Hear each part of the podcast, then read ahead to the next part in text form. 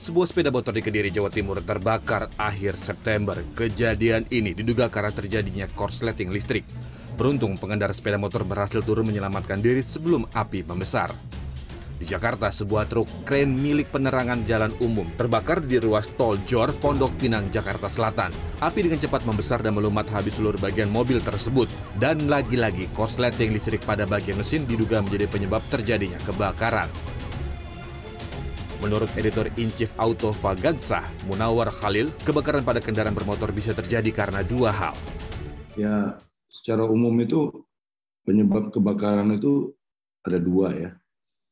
Pertama, ya kelistrikan. Yang kedua, eh, yang menyangkut dengan cairan seperti oli dan eh, bahan bakar.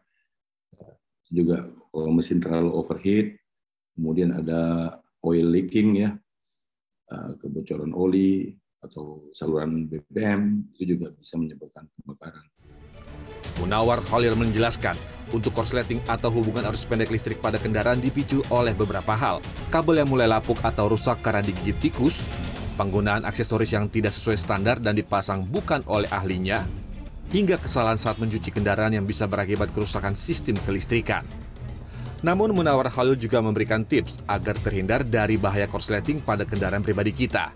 Yang pertama, rawat kendaraan secara teratur di bengkel resmi, jangan bengkel sembarangan.